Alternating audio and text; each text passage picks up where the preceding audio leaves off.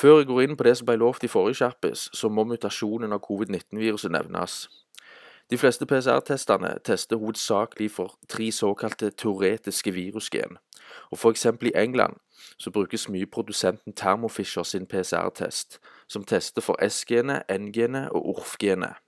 Og For rundt april 2020 så uttalte WHO seg om at det ikke var nødvendig med en identifisering av tre virusgen for å teste positivt for covid-19. Kun påvisning av ett virusgen var nok. Så etter at de engelske myndighetene aksepterte denne tilnærminga, så har det blitt en dominoeffekt på verdensbasis. Så hvis du før april 2020 tok PCR-testen, og kun ORF og N-genet ble identifisert, men ikke S-genet, så ville han teste negativt for viruset. Derimot, tok han testen i april eller i etterkant, så ville han teste positivt så lenge ett av de tre virusgenene ble påvist under PCR-testen. Og Fra desember 2020 og fram til nå er dette diagnostisert som den britiske virusmutasjonen. Så for å si det på den måten, ordet latterlig og skremmende har aldri passa sammen så godt som i dette tilfellet.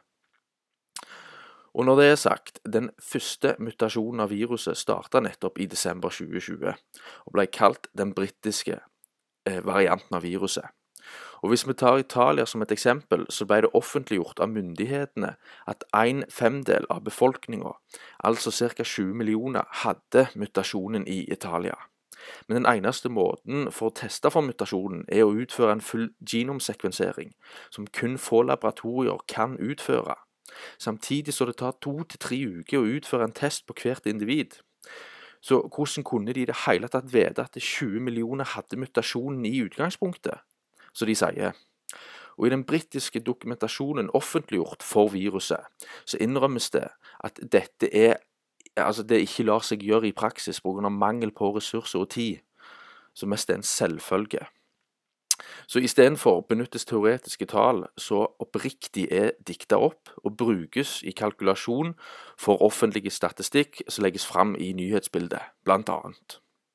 Og en reduksjon i amplifiseringa til PCR-testen mellom desember og januar, fra ei maksgrense på 45 sykluser ned til 30 sykluser, har blitt bevisst utført i land som f.eks. England, som har resultert i lavere positiv testing hos befolkninga generelt.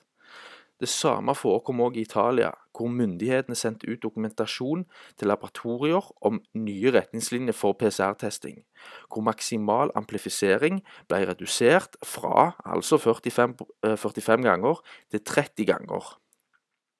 Men det er vaksiner som gis æren og legges fram som årsaken til lavere smittetall, som er vitenskapelig manipulasjon og bedrageri. Siden amplifiseringa, som tidligere nevnt i Kjappes 18, resulterer i en dobling for hver gang, så vil en reduksjon fra f.eks. 40 ganger til 30 ganger resultere i dramatiske forskjeller. Det er òg utført flere studier hvor bl.a. land som Frankrike i 2020 så det at, eh, at amplifisering 25 ganger økte falsk positiv med 30% og amplifisering 30 ganger økte falsk positiv med hele 82% og 35 ganger økte falsk positivt med hele 100% Så jeg avslutter med det jeg har sagt før, en løgn forblir ikke en sannhet bare for at alle tror på den. På samme måte som en sannhet forblir ikke en løgn bare for at ingen ser den.